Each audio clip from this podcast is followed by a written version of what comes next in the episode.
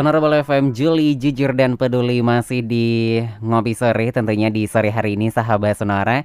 Dan setiap hari Rabu di jam setengah lima sore kita masuk di ruang psikologi. Dan tentunya sore hari ini saya tidak sendiri nih sahabat Sonora. Pastinya dan narasumber yang akan kita ajak ngobrol di studio Sonora. Dan sore hari ini topik kita adalah pubertas tsunami bagi remaja. Dan buat anda yang sore hari ini ada pertanyaan ataupun ingin ngobrol silakan. Sampai nanti kurang lebih eh, uh, 60 menit ke depan di 082146433812 boleh SMS, WhatsApp atau Telegram, mention Twitter, Instagram atau lain at Sonora Bali FM atau komen aja di Facebook kita Sonora Bali 98,9 FM. Kalau mau streaming silahkan di www.sonorabali.com. Kalau Anda ingin nonton live kita di Instagram silahkan cari at Sonora Bali FM. Kita juga sedang live di sana sahabat Sonora. Dan sore hari ini saya sudah bersama tentunya udah nggak asing banget karena udah sering banget kita ajak di studio Sonora ya sahabat Sonora. Ada Miss Ana selamat sore. Selamat sore Mas Joni. Apa kabar Astunggara baik sehat, sehat ya. selalu. Ya. Akhirnya bisa iya. kembali kita berjumpa ya. Iya, setelah berapa lama kita hanya lewat Zoom saja itu sebenarnya. Akhirnya sore hari ini bisa tetap langsung walaupun kita harus jaga jarak, ya, pakai masker. masker. Cuci tangan bolak-balik iya. menjadi OCD gitu ya. Betul sekali, uh. tapi itu tidak mengurangi semangat kita untuk nemenin di sore hari ini ya. Okay. Oke, sahabat Sonora, kita akan membahas tentang pubertas tsunami bagi remaja. Ini judulnya agak serem ya, Miss ya ada tsunami. Ini saya tadi baca pertama tsunami gitu.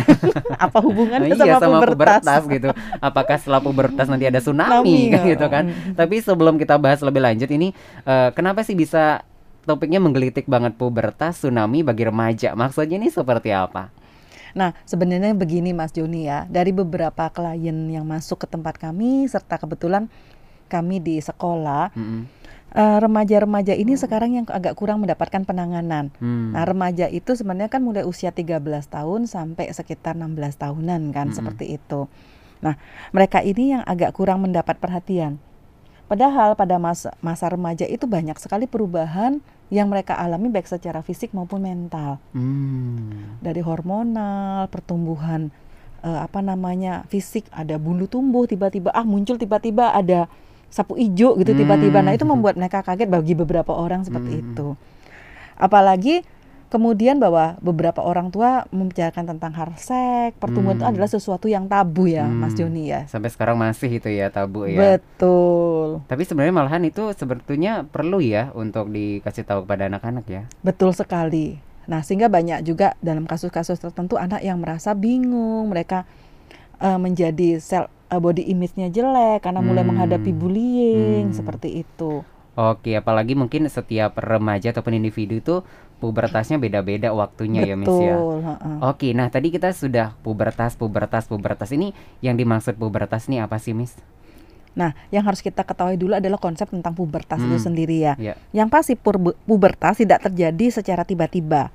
Namun pubertas itu merupakan suatu proses yang terjadi secara berangsur-angsur. Hmm. Misalnya tuh sampai pria menjadi akil balik sampai mohon maaf mimpi basah hmm. nggak tiba-tiba langsung dia ngompol lagi seperti iya, itu iya, ya iya, tiba-tiba ada suaranya pecah hmm, muncul jakun gitu ya. terus tiba-tiba dia bingung aku kok ada batu salah ya di sini udah gitu mulai tumbuh bulu-bulu hmm. terus mulai berjerawat nah itu mengagetkan belum selesai kagetnya tiba-tiba dia ngompol loh hmm. aku kok ngompol mau tanya sama mama dia juga malu malu gitu ya. tanya sama temen nanti diketawain nah. seperti itu Oke, jadi banyak perubahan terjadi di masa pubertas ini. Tadi sempat dikatakan jerawat, berarti saya pubertas nih, tumbuh jerawat nih. Uh, kalau itu masalah hormonal, itu seperti itu. Beda ya. Oke, pubertas itu seperti apa, Miss? Uh, pubertas itu adalah ke, uh, eh, suatu periode di mana kematangan kerangka uh, fisik dan seksual terjadi secara pesat, terutama pada awal masa remaja. Hmm. Itu sebenarnya kurang lebih devi, uh, bisa dikatakan uh, proses terjadinya pubertas. Hmm. Dan biasanya anak pu anak perempuan itu mengalami pu pubertas lebih dahulu. Oh, lebih dini lebih ya. maju hmm. dibandingkan pada anak laki-laki. Oke, jadi itu ya sahabat sonora. Tapi uh, apakah uh, umurnya itu benar-benar misalnya si A sama si B nih sama-sama laki-laki ataupun perem- sama-sama perempuan gitu. Apakah di umur uh, 14 sudah pasti mereka pubertas atau mungkin ada yang umur 13, ada yang umur 15 setengah atau 16 gitu. Seperti apa? Pertanyaan kritis banget nih dari penyiarnya gitu ya. Nah, dari hasil riset saya lupa siapa itu ya melakukan, hmm. ternyata pubertas itu mengalami uh, semakin muda. Hmm. Kalau dulu uh, puber, uh, misalnya menstruasi dianggap awal sebagai pubertas mm -hmm. itu ya itu sekitar 16 tahun tapi terakhir-terakhir ini kan 11 tahun anak perempuan sudah mengalami menstruasi mm. bahkan dalam beberapa kasus itu 9 tahun juga sudah, sudah. mendapatkan mm. seperti itu Oke, jadi uh, mungkin tidak akan sama seterusnya seperti Betul. itu ya, Miss ya. Uh -uh. Oke, itu mengenai uh, pubertas itu pasti remaja mengalami itu ya? Pasti. Tidak uh, mungkin enggak ya? Eh, uh, Mas Mas Joni aja lihat sekarang tuh tumbuh jerawat kan, tiba-tiba. pubertas kedua kayaknya ini. pubertas balik-balik itu ya. Nanti ada lagi pubertas di, uh, pubertas ketiga, pubertas di masa lansia. Oke, jadi itu ya yang namanya pubertas ya, Miss ya. Oke, tapi uh, tadi kan laki-laki uh, dan perempuan itu juga pasti mengalami pubertas namun yeah. itu berbeda ciri-cirinya seperti yeah. itu. Nah, mm -hmm. yang pertama mungkin kita ke laki-laki dulu gitu ya. Mm uh, ciri-ciri dari pubertas laki-laki itu seperti apa sih, Mas? Kira-kira gimana ya? uh, nanya ke saya ya. Yang pasti uh, kan laki-laki kan iya. gitu ya. Uh. Saya boleh tanya nggak ke Mas Yoni? Mm -hmm. Pertama kali muncul kumis tipis tuh yang katanya membuat uh, kita menjadi semakin cute. Oh, itu usia berapa, Mas? Kok saya waktu tumbuh nggak cute ya? Karena sudah stres lihat kumis dan jerawat gitu. Saya itu kalau nggak salah ya itu SMP kelas 2 atau kelas 1 kelas 2 tahun sekitar itu, 13 14 tahun iya, ya. Iya, jadi itu pertama itu juga saya mengalami agak uh, minder gitu ya, mm -hmm. karena teman-teman belum ada yang ngalamin mm -hmm. gitu. Jadi kayaknya sih umur segitu kayaknya. Kaget ya gitu ya. Shock juga. Loh, Shock juga. Teman-teman nggak ada apa aku uh -uh. kelainan ya gitu. Kok ada kayak kambing gitu ya tiba-tiba muncul tuh kumis itu. Uh -uh terus tiba-tiba suaranya pecah ya iya jadi nggak nggak enak didengar oh, sih ya terus suaranya tuh kan uh, dari suara anak cowok tuh kalau nyanyi kecil tuh kan melengking yeah. bagus ya tiba-tiba oh, menjadi bom bom bom bom bom kayak knalpot bocor gitu Oke. Okay. Oke, jadi salah satunya itu adalah suaranya pecah. Hmm. Kemudian uh, muncul kumis atau bulu-bulu pertama, hmm. entah kumis di mana namanya tipis, gitu ya. kemudian hmm. di ketiak, hmm. di termasuk juga di alat kelamin seperti hmm. itu. Kemudian itu namanya kalau uh, bulu yang di dilat kelamin namanya pubis katanya Oh, pubis, hmm. oke. Okay. Kemudian tumbuh jerawat. Hmm. Nah, di sini karena hormonal mulai bekerja, biasanya adalah ih, bawa anak laki jelek tuh. Nah, hmm. mulai kan karena dia hormon seperti itu. Oh. oh, oh. Dan puncaknya itu adalah mengalami mimpi basah pertama. Hmm, itu. Okay. Oh berarti uh, bau badan itu juga uh, muncul ya sama iya, laki-laki yeah. yang mengalami pubertas ya? Mm-mm. Nah ini kenapa? Karena hormon-hormonnya mulai aktif, terutama yang namanya hormon testosteron kalau pada laki-laki seperti hmm. itu. Jadi itu yang pengaruhi ya? Iya, makanya biasanya anak laki kan cungkring-cungkring tuh waktu SD gitu ya, hmm. ya, kelas 3 ke atas tuh tinggi-tinggi hitam-hitam. Nanti tiba-tiba di SMP hmm. dia sudah nyalip tingginya anak perempuan yang dulu paling tinggi, oh, iya, tiba-tiba iya. tinggi banget gitu. Oh itu yang mempengaruhi ya? Mm-mm. Berarti masa uh, uh, pubertas ini juga yang namanya pertumbuhan fisik juga sangat berbeda ya, Miss ya. Betul, sangat berbeda tergantung juga uh, dari hormonnya. Hormon itu hmm. dari mana? Dari asupan gizi seperti itu. Hmm, itu ya bagi yang laki-laki ya. Nantinya perempuan juga mungkin yang sekarang lagi dengerin remaja gitu kan mm -hmm. ya, yang belum mengalami pubertas gitu ataupun mm -hmm. sedang mengalami beberapa gejala ini oh ternyata pubertas kalau perempuan apakah sama seperti laki-laki suaranya pecah gitu mm -hmm. kan terus tumbuh kumis tipis gitu atau seperti apa nah sama cuma yang tumbuh itu bukan kumis tipis biasanya itu mohon maaf uh -uh. mulai muncul payudara pertama hmm. kalau boleh tanya ini kita nggak ngomongin porno gitu yeah, ya yeah, yeah biasanya itu mulai muncul uh, payudara pertama kayak batu. Terus kalau kita kesenggol dikit sakit banget. Hmm. Dan biasanya tuh kesenggolnya sehari tuh bisa bolak-balik. yang namanya orang biasanya nggak tiba-tiba seperti itu yeah, kan yeah, jadi yeah. sensi kayak yeah. gitu. Yang pasti pertumbuhan payudara dan pinggul. Hmm. Itu kemudian sama dengan laki-laki tumbuh jerawat. Hmm. Nah kemudian ada juga beberapa yang mulai muncul bau badan tapi tidak semua. Kalau laki-laki itu rata-rata hampir rata -rata semua ya. seperti hmm. itu. Makanya Rexona men itu. Hmm. Mention nama itu laku gitu ya. Kemudian rambut pubis juga tumbuh. Hmm. Terus di ketiak mulai muncul ya ijo-ijo sedikit lah hmm. seperti itu. Dan kalau laki-laki itu ada mimpi basah, kalau perempuan itu menarke atau haid. Oh. Itu. Dan hormon yang berkembang di sini adalah estradiol. Mm-mm. Itu itu yang mempengaruhi hormon pertumbuhan terkait buah dada, rahim, kerangka pada anak perempuan. Hmm. Karena itu kenapa disarankan menikah itu kan 16 tahun ke atas kan Hmm. karena dianggap sudah rahimnya sudah mulai lebih sempurna Hmm. berkembang dibandingkan umur 13 tahun. Walaupun tidak menutup kemungkinan anak 13 tahun yang penting ada istilahnya sperma yang masuk dia bisa hamil. Hmm. Tapi leb- puncak-puncak bagusnya di atas 16 tahun, 21 Hmm. tahun lah seperti itu. Oke, jadi eh, beberapa itu sama dialami antara laki-laki dan Mm-mm, perempuan, namun ada beberapa yang membedakan seperti itu ya, Miss ya. Mm-mm. Oke, tapi kalau suara sendiri perempuan Enggak, Enggak enggak, ya, dia tetap tiba-tiba aja jadi melengking gitu. kabar gitu. Eh, eh. Dan biasanya kulitnya menjadi eh, yang jerawatan jerawatan kalau yang enggak dia kebetulan dasar kulitnya bagus menjadi lebih halus seperti itu. Oh, Oke oke itu nih. Jadi memang itu pasti bakalan terjadi perubahan setiap individu ya di masa Betul, pubertas eh, ini ya. Dan kalau perempuan nggak mungkin tumbuh jakun kecuali Oh. dia operasi. Tambahin kelereng. Kecuali yang itu ya, yang viral itu ya jakunnya ya. Oke, itu ya sahabat Sonora. Jadi pubertas itu memang dialami setiap individu.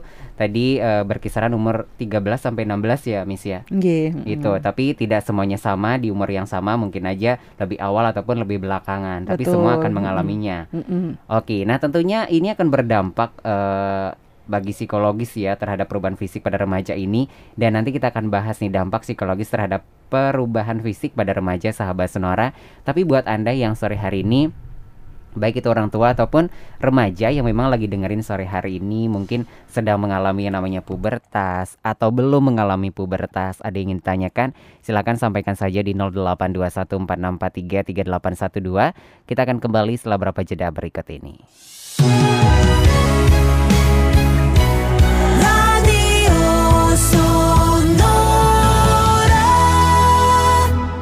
Masih di ruang psikologi sahabat Sonora di sore hari ini. Nemenin sahabat Sonora sampai nanti di jam setengah enam sore tentunya. Ya Kita masih membahas tentang yang namanya pubertas tsunami bagi remaja. Tadi kita sudah bahas eh, pubertas Ciri-ciri pubertas pada anak laki-laki dan juga perempuan. Ada beberapa itu memang mengalami hal yang sama Namun ada beberapa itu ada perbedaan seperti itu sahabat Sonora ya Sore hari ini kalau mau streaming silahkan di www.sonorabali.com Atau mau nonton silahkan cek Instagram kita at Sonora Bali FM kita sedang live di sana di sore hari ini. Kalau ada pertanyaan sampaikan di 0821 4643 3812 SMS, WhatsApp dan Telegram. Mention Twitter, Instagram, Telain at Sonora Bali FM ya.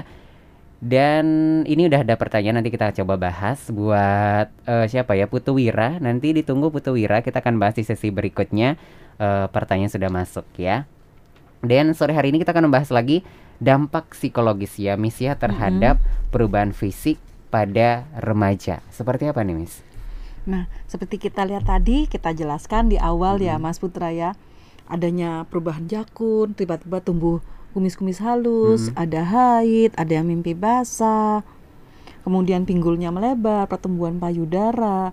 Nah, itu terjadi adanya perubahan fisik. Nah, bagi beberapa orang dan hampir sebagian orang itu mempengaruhi sel image-nya tentang tubuhnya. Hmm. Nah, kenapa eh, sel image-nya bisa pengaruh?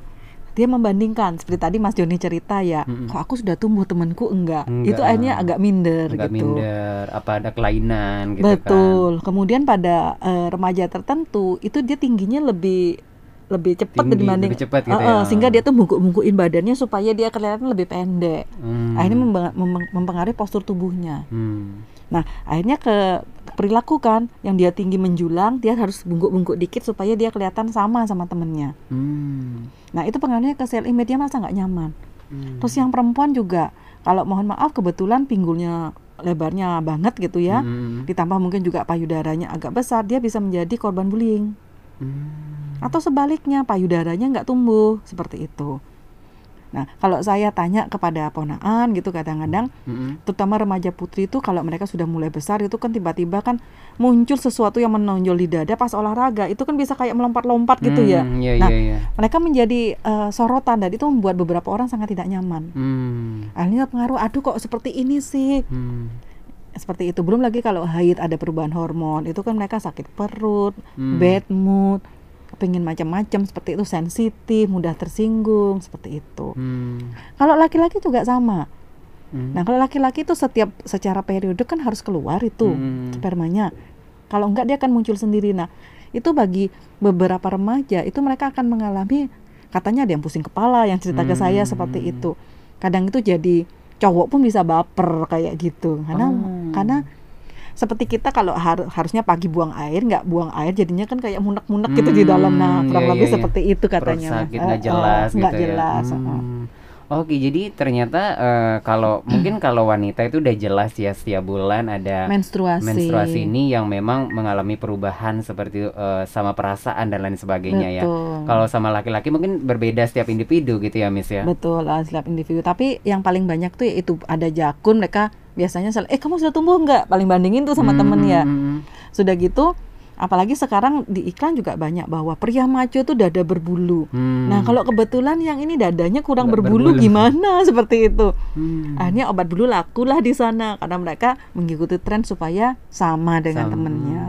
Padahal tidak harus seperti itu ya, Tidak Miss harus ya? seperti itu. Oke, itu nih sahabat sonora dampak psikologis terhadap perubahan fisik pada remaja gitu ya. Jadi ternyata itu berdampak ke perilakunya juga Betul. gitu ya. Misalnya tadi yang tinggi dia tiba-tiba bungkuk-bungkuin. Kalau seterusnya itu kan berbahaya juga nggak sih Betul, ya? pengaruh akhirnya ke uh, postur tubuh tulang belakang. Hmm. Padahal kalau kita lihat orang yang membungkuk tulang belakangnya agak melengkung, dia tidak seperti normal itu, itu mempengaruhi uh, dia gampang lelah apa enggak. Oh, Akhirnya ke fokus apa enggak. oh, jadi ngerembet ke mana-mana ya, Miss? Betul. Kalau kami uh, psikolog sekolah itu akhirnya memberikan uh, terapi supaya dia bisa duduk tegak. Oh, saya langsung berubah duduk nih. Karena dari tadi saya gini nih, jadi saya berubah lagi. Oke. Oh, jadi Mm-mm. itu sangat mempengaruhi ya memang ya. Betul. Apalagi zaman rem- eh, masa remaja itu memang boleh dikatakan masa-masa yang mudah terpengaruh gitu Betul, ya. makanya saya bilang itu tsunami, Oh, jadi gonjang ganjing. Tiba-tiba nggak ada hujan, ada, ang- ada angin, disapu bersih. Eh, kamu kok anu sih? eh, tiba-tiba ada tumbuh kumis tuh. Kenapa? Kamu habis makan apa tuh celemotan? nah, kayak gitu. Oh, oke. Jadi itu nih sahabat Sonora. Tapi kita beralih ke remaja lagi seperti itu Iya. karena memang lagi membahas remaja sebelum Mm-mm. kita jeda untuk sore hari ini eh masalah ataupun problematika. Ini kan boleh dikatakan remaja itu katanya banyak mengalami eh, masalah gitu ya, bukan masalah dalam artian bingung Betul, gitu kan, kebingungan. Ini aku masih anak-anak atau udah dewasa atau seperti apa? Problematika pada remaja yang terjadi banyak itu seperti apa sih? Benar sekali Mas Joni. Tadi Mas Joni mengatakan saya masih anak-anak apa sudah Udah gede sih? Memang remaja tuh usia nanggung gitu. Dibilang aku udah dewasa, kamu masih kecil. Iya, gitu. dewasa tapi badan dia masih kecil. Heeh, Masih dibilang anak-anak. cari ukuran baju anak-anak di, di, Di mall nggak ada seperti itu. Oke oke. Nah kembali lagi eh, perubahan fisik mempengaruhi sel image, terus akhirnya mempengaruhi perilaku kan seperti Mm-mm. itu. Nah akhirnya mereka tidak tahan terima bully, bingung dengan perubahan tubuhnya tanpa mendapatkan informasi yang baik dan benar. Hmm. Nah kalau dari beberapa kasus yang saya lihat dan beberapa literatur yang saya baca, pada masa remaja ini mun- mulai muncullah juvenile delinquency atau kenakalan remaja. Oh. Misalnya tuh mulai ikut-ikutan nyuri, ikut geng motor, Geng-gengan ada ikut gitu ya. cabe-cabean Hmm. seperti itu. Kemudian mulai terjadi penyalahgunaan obat-obatan dan alkohol. Hmm. Coba dulu nih, dia dibilangnya alkohol enak, bir nggak enak. Coba teman-temannya tambah sprite dikit supaya enak, bir Hmm. pahit katanya. Hmm. Kok enak ya? Sama temennya dikurangi sprite-nya sampai dia terbiasa minum bir. Hmm. Itu. Kemudian eh, kehamilan pada usia dini Banyak itu terjadi ya, Miss. banyak terjadi itu. Karena mungkin karena rasa ingin tahu yang tinggi mungkin ya remaja itu. ya. rasa ingin tahu yang tinggi dan pada saat masa remaja itu hormon mulai berkembang ini dapat rangsangan stimulus dari luar Hmm. itu mempengaruhi Hmm. kok enak ya kok ada sesuatu yang beda berdebat-debat Hmm. akhirnya kebablasan Hmm. itu kemudian rasa frustasi saya lihat banyak remaja itu merasa dia berbeda dengan temennya dia butuh orang tuanya Hmm. dia butuh suatu informasi tapi tidak mendapatkan akhirnya depresi Hmm. itu mulai muncul pada remaja saya lihat Oke, berarti banyak terjadi itu banyak ya. terjadi Hmm. bahkan eh, sampai terjadi suicide atau bunuh diri Oh, Mm-mm. itu bisa sampai segitunya juga ya. betul di Hmm. samping bukan hanya perubahan fisik ya Mm-mm. tapi kan mereka istilahnya tuh kayak tsunami ulek-ulek gitu ya Hmm. sementara mereka mendapatkan informasi yang terbatas Hmm. orang tua ada dari keluarga broken ditambah dengan sudah bingung dengan perubahan fisik mau menanyakan ke mana nggak bisa di sekolah ngomong sama guru malah dimarahin ngomong sama teman malah dibully Hmm. akhirnya ya sudah depresi Hmm. mencoba alkohol narkoba bahkan pada remaja putri karena dia kan ada rema- tiap orang kan beda-beda ada yang montok gitu misalnya Hmm. badannya ada yang enggak yang montok ini kena bully mengalami gangguan makan takut makan terus kalau makan dimuntah-muntahin seperti itu Hmm, biar kurus gitu ya. Biar kurus, biar sama- langsing, biar Hmm. eh, biar cantik lah istilah mereka Hmm. apalagi sekarang dengan banyaknya istilahnya itu brainwash ke mereka cantik itu rambutnya lurus kulitnya Hmm. putih langsing, langsing gitu ya. semakin seperti triplek itu semakin cantik katanya seperti itu Padahal belum tentu karena cantik itu relatif ya, Miss ya. betul. Ah. cantiknya orang Indonesia beda cantiknya orang Bali dengan or- sama-sama di Indonesia Hmm. cantik orang Bali sama orang Papua mungkin juga beda Hmm. seperti itu Baik, jadi itu nih sahabat Sonora problematika pada remaja dan mungkin masih banyak juga yang lain ya Betul, problematika yang betul. terjadi pada remaja sahabat Sonora ya. Nanti kita akan balik lagi ini akan membahas hal-hal yang mempengaruhi perkembangan identitas pada remaja ya Miss ya tentunya di sesi selanjutnya dan ini eh, coba saya baca pertanyaannya dari Putu Wira ini di Bukit Jimbaran. Ini nanti kita bahas ya, tapi saya bahas eh, baca dulu pertanyaannya. Rambut saya ubanan Mm-mm. mulai sejak umur 12 tahun. Apakah ini termasuk ciri-ciri pubertas ya? Mohon jawabannya. Ini katanya mungkin mulai agak putih-putih gitu ya, ada tumbuh-tumbuh warna putih. Nanti kita bahas Putu Wira. Habis jeda mungkin kita akan bahas tetap dengerin sampai nanti di jam setengah enam sore.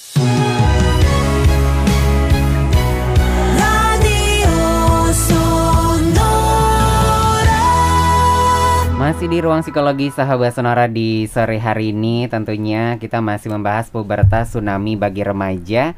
Sebelum kita membahas pertanyaan dari Putu Wira tadi sudah bertanya via WhatsApp, kita mencoba satu topik kembali yaitu hal-hal yang mempengaruhi perkembangan identitas nih. Seperti apa nih Mi sebelum kita menjawab dari Putu Wira ya? Nah, eh, perkembangan identitas seseorang itu dipengaruhi oleh banyak faktor, bisa Hmm. internal, bisa eksternal. Internalnya itu dari segi genetik ya, dari segi genetiknya dia punya kuat apa enggak seperti itu. Hmm. Kemudian dari segi eksternal ada satu teori tentang namanya ekologi lingkungan dari Bronfenbrenner yang paling suka saya pakai karena Hmm. dia sifatnya itu sangat general. Nah, ada yang namanya makrosistem. Itu adalah eh, faktor pertama yang mempengaruhi eh, perkembangan identitas seseorang, termasuk mempengaruhi kenapa perilaku seseorang jadi seperti ini. Hmm. Nah, makrosistem itu apa? Yang paling pertama kita lihat pendidikan paling pertama itu siapa? Keluarga kan Mas Joni. Hmm, ya. Begitu blast yang dilihat kan mama, Mama, papa, papa. ibu, bapak, bunda, ayah seperti itu. Jadi pola-pola komunikasi, pola-pola pengasuhan dalam keluarga itu akan mempengaruhi. Kemudian yang kedua adalah dari sekolah. Hmm. Sekolah juga pengaruh. Sekolahnya menekankan pada kreativitas, menekankan atau dia menekankan pada kedisiplinan, kepatuhan, itu akan menghasilkan output yang berbeda. Hmm. Kemudian peer group, teman mainnya seperti apa? Kalau teman mainnya tuh senangnya itu kinestetis, dia keluar aja main sepeda dan sebagainya, dia akan menjadi anak yang lebih ke arah kinestetis Hmm. itu. Kemudian yang lain lagi juga mempengaruhi apa? Teman keluarga. Oh. Nah, Teman kalau keluarga. ah. kita lihat kalau budaya di timur itu kan senangnya unjung-unjung kan, Hmm. datang anjang Hmm. sana, anjang sini. Kalau misalnya libur dengar siapa sakit datang mengunjungi. Hmm. Nah, itu juga akan pengaruh yang datang itu orangnya berbeda-beda. Hmm. ada yang kalau datang bawa bingkisan, ada yang enggak, ada yang sebagainya. Nah, itu mempengaruhi persepsi mereka itu. Hmm. Jadi banyak eh, pengaruhnya ya, Miss ya? ya, betul, banyak sekali pengaruhnya itu. Nah, tapi eh, yang ingin saya tekankan dalam perkembangan identitas itu adalah pola asuh. Hmm. Nah, kita lihat ada pola asuh yang meningkatkan perkembangan identitas secara positif, ada juga yang menghambat. Nah, kalau pola asuh yang menghambat itu adalah pola asuh yang eh, pola asuh otoriter karena tidak memberikan peluang pada remaja untuk belajar berkomitmen dan krisis. Hmm. Jadi pokoknya kamu harus apa? Pokoknya apa? Jadi anak itu mengambil keputusan, mengambil inisiatif menjadi takut, Mas. Seperti itu. Hmm, Oke. Jadi pokoknya belum belum batinya, belum untungnya seperti itu.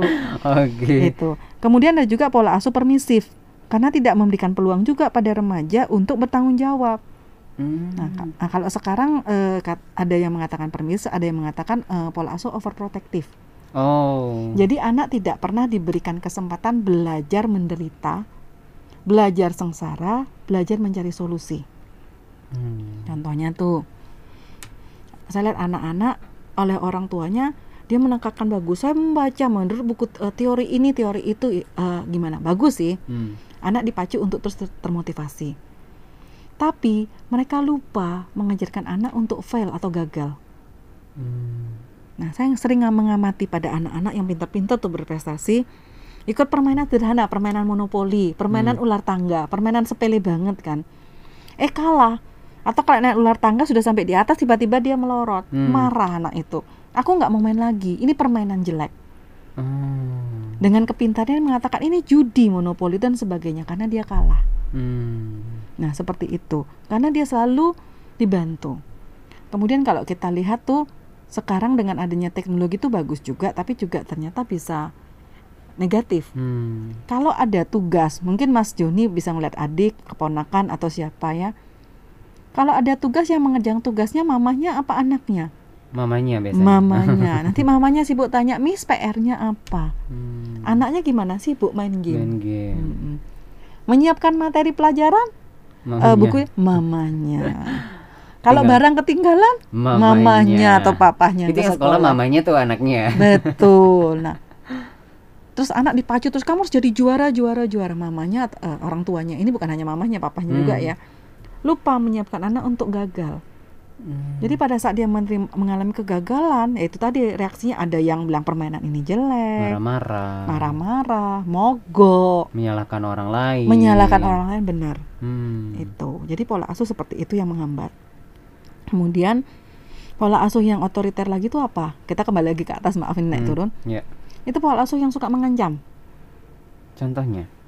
sederhana ya misalnya tuh ngajak anak kecil lagi seneng main tuh namanya anak kecil kadang-kadang kalau dia lagi seneng main air dia obo-obo itu sampai tiga jam 4 jam Iya, juga iya, iya. itu si mamanya udah nggak mau tuh atau papanya udah panas takut kulitnya hitam Hmm. ayo dek pulang dek nggak mau nggak mau anaknya gitu ya ayo loh kamu kalau nggak mau pulang tak tinggal nah, Hmm. kata tak tinggal itu kan ancaman Oh. anak menjadi cemas jadi kalau dia nggak mau ikutin dia ditinggal Hmm. kemudian yang lebih gila lagi ada juga tuh orang tua yang mengatakan eh papa ini marah sama kamu karena papa sayang sama kamu Hmm. nah seharusnya orang marah itu kan bukan karena sayang itu adalah konsep yang salah yang diajarkan orang tua Oh, seharusnya bilangnya seperti apa, Miss?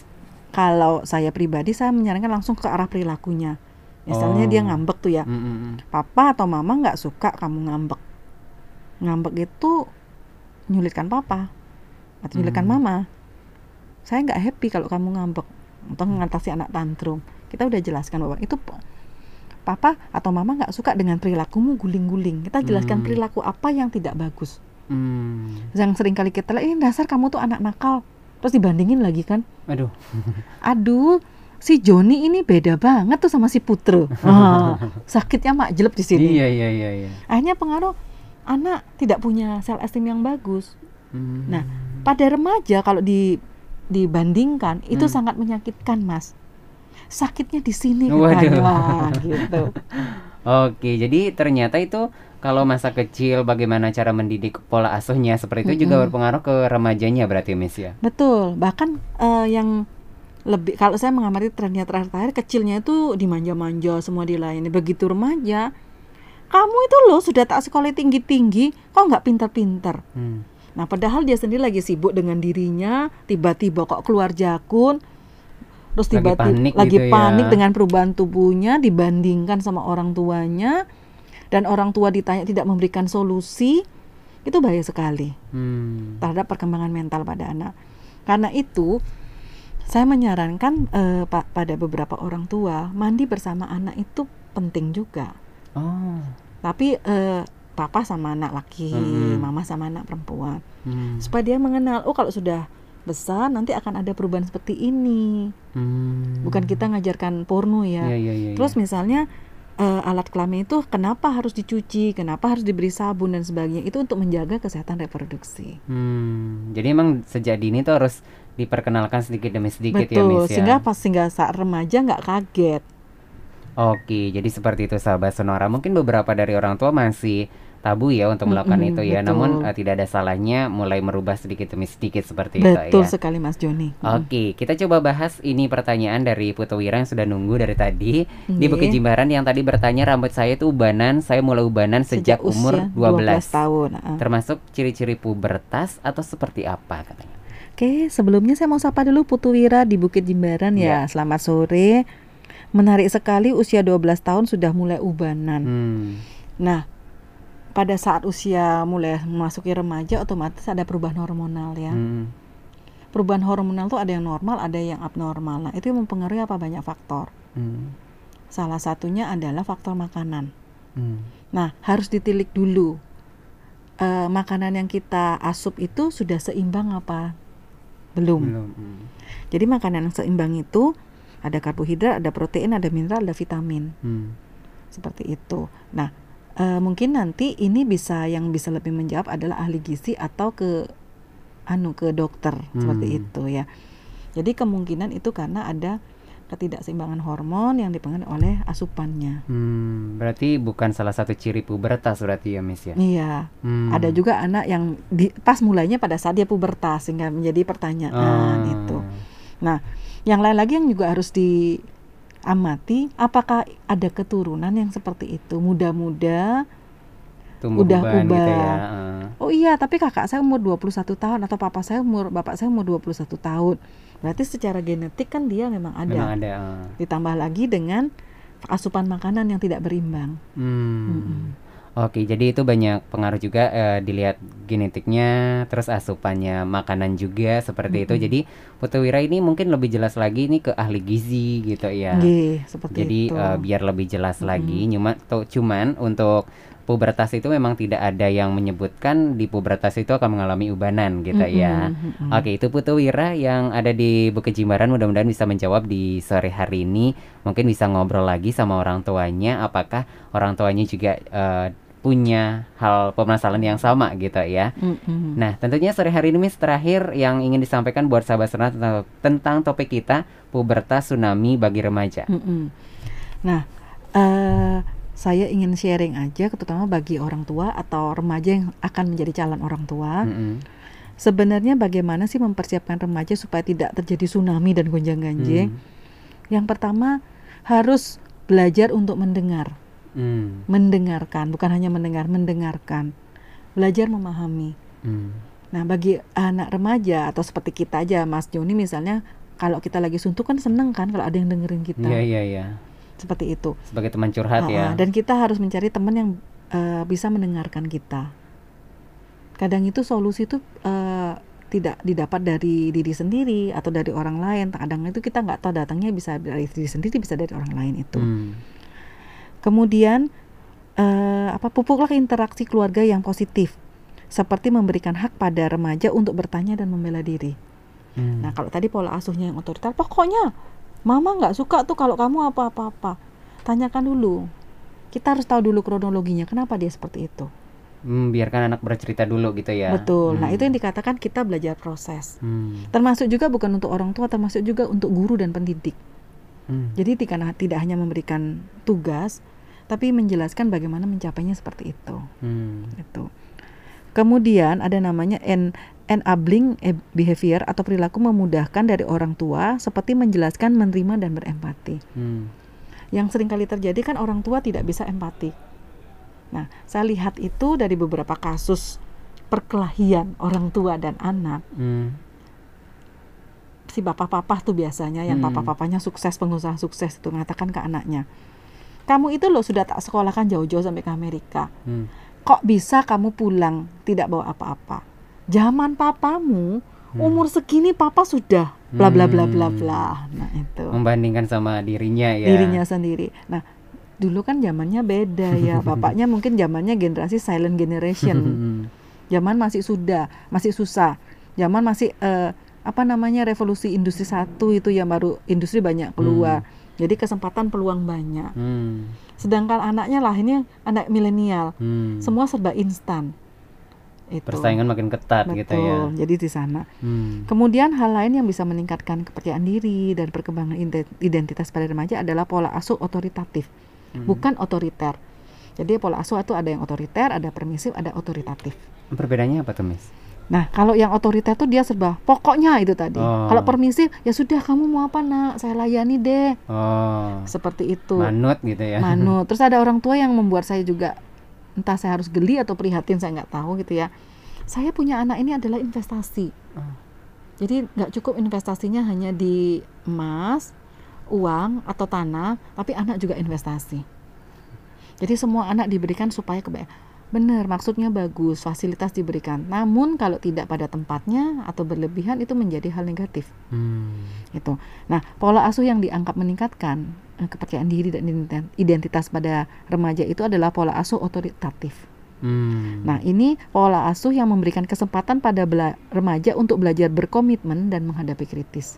Ba- berarti ini yang baik berarti ya. Iya, contohnya, misalnya orang anaknya tanya, "Ma, atau Pa, Hmm. atau Kakak, aku mau pergi nanti ya sama teman-temanku." Hmm. Kalau yang otoriter dia akan bilang, "Nggak boleh, pokoknya kamu harus di rumah." Atau papa yang nganter gitu ya. Atau papa yang ngantar papahnya jadi bodyguard, jadi supir dan sebagainya. Oke. Kalau yang permisif, ya suka-sukamu lah. Iya. Mau apa aja terserah. Hmm. Bahkan anak beledas bludus masuk rumah nggak nggak pamit. Hmm. Nah, kalau yang otoritatif ini dia memberikan anak untuk berkomitmen dan memberikan batasan, tapi kepercayaan juga sama anak. Hmm. Oke, jam berapa kamu pulang? Tanya. Jam 9. Oke, nah kamu boleh pulang jam 9 kamu harus sudah di rumah. Hmm. Nah, di sana kalau misalnya di jam 9 nggak pulang, orang tua akan manggil nanyakan kenapa kamu pulang lewat dari jam itu. Hmm. Sebabnya apa? Hmm. Bebas tapi ada batas gitu ya. Betul, bebas ada batas dan berkomitmen untuk memenuhi batasan itu. Baik, itu nih sahabat sonora mungkin ini eh, belum 100% orang tua menerapkan ini gitu ya. Benar. Jadi ini penting sekali. Terus bagi calon orang tua juga ini penting gitu ya untuk ke depannya sehingga eh, bisa pola asuh terhadap anak ini yang boleh dikatakan yang paling baik lah gitu ya. Betul. Oh, satu lagi, Mm-mm. Mas Joni. Kalau untuk remaja sendiri gimana sih men- eh, meningkatkan kepercayaan diri? Iya. Satu, tidak semua informasi itu benar. Kita harus belajar menfilter. Yang kedua, pilih-pilih teman. Penting ya. Maksudnya pilih-pilih teman itu gimana? Kalau kita sendiri orangnya itu emosional, baperan, Mm-mm. jangan kumpullah sama kelompok baper, Tambah baper ya. tambah baper seperti itu. Hmm. Jadi kumpullah sama teman-teman yang agak logis, Hmm. agak, lo- agak logis sedikit. Itu. Kemudian kalau semua temannya baper karena anak SMA kebanyakan seperti itu, Baperan ya. baperan. Carilah siapa orang dewasa atau yang lebih besar yang bisa memberikan kita kesempatan untuk tanya, Hmm. untuk menenangkan hati seperti itu. Baik, itu bagi remaja ya, Miss ya. Mm-mm. Oke, ada lagi? Sementara itu dulu. Oke, itu aja ya sahabat Sonora tentunya di sore hari ini karena sudah hampir jam setengah enam sore obrolan kita tidak terasa mengenai pubertas tsunami bagi remaja. Mungkin di lain kesempatan kita akan membahas eh, lebih lanjut lagi tentang remaja ini karena ini kayaknya banyak sekali permasalahan-permasalahan remaja yang terjadi ya Miss ya. Betul. Makanan apa yang cocok bagi remaja Hmm, seperti benar. itu. Oke, dan tentunya untuk edisi hari ini kita sampai di sini. Tapi buat anda yang kelewatan obrolan kita nanti bisa kembali anda tonton di YouTube channel kita Sonora Bali FM atau dengarkan kembali di www.sonorabali.com atau di Spotify cari aja Sonora Bali 98,9 FM. Terima kasih Miss Ana. Terima kasih. Sehat Mas terus ya. Amin. Oke, kita jumpa di lain kesempatan. Dan sahabat Sonora, ngopi sore masih dilanjutkan untuk nemenin Anda sampai nanti di jam 6 sore.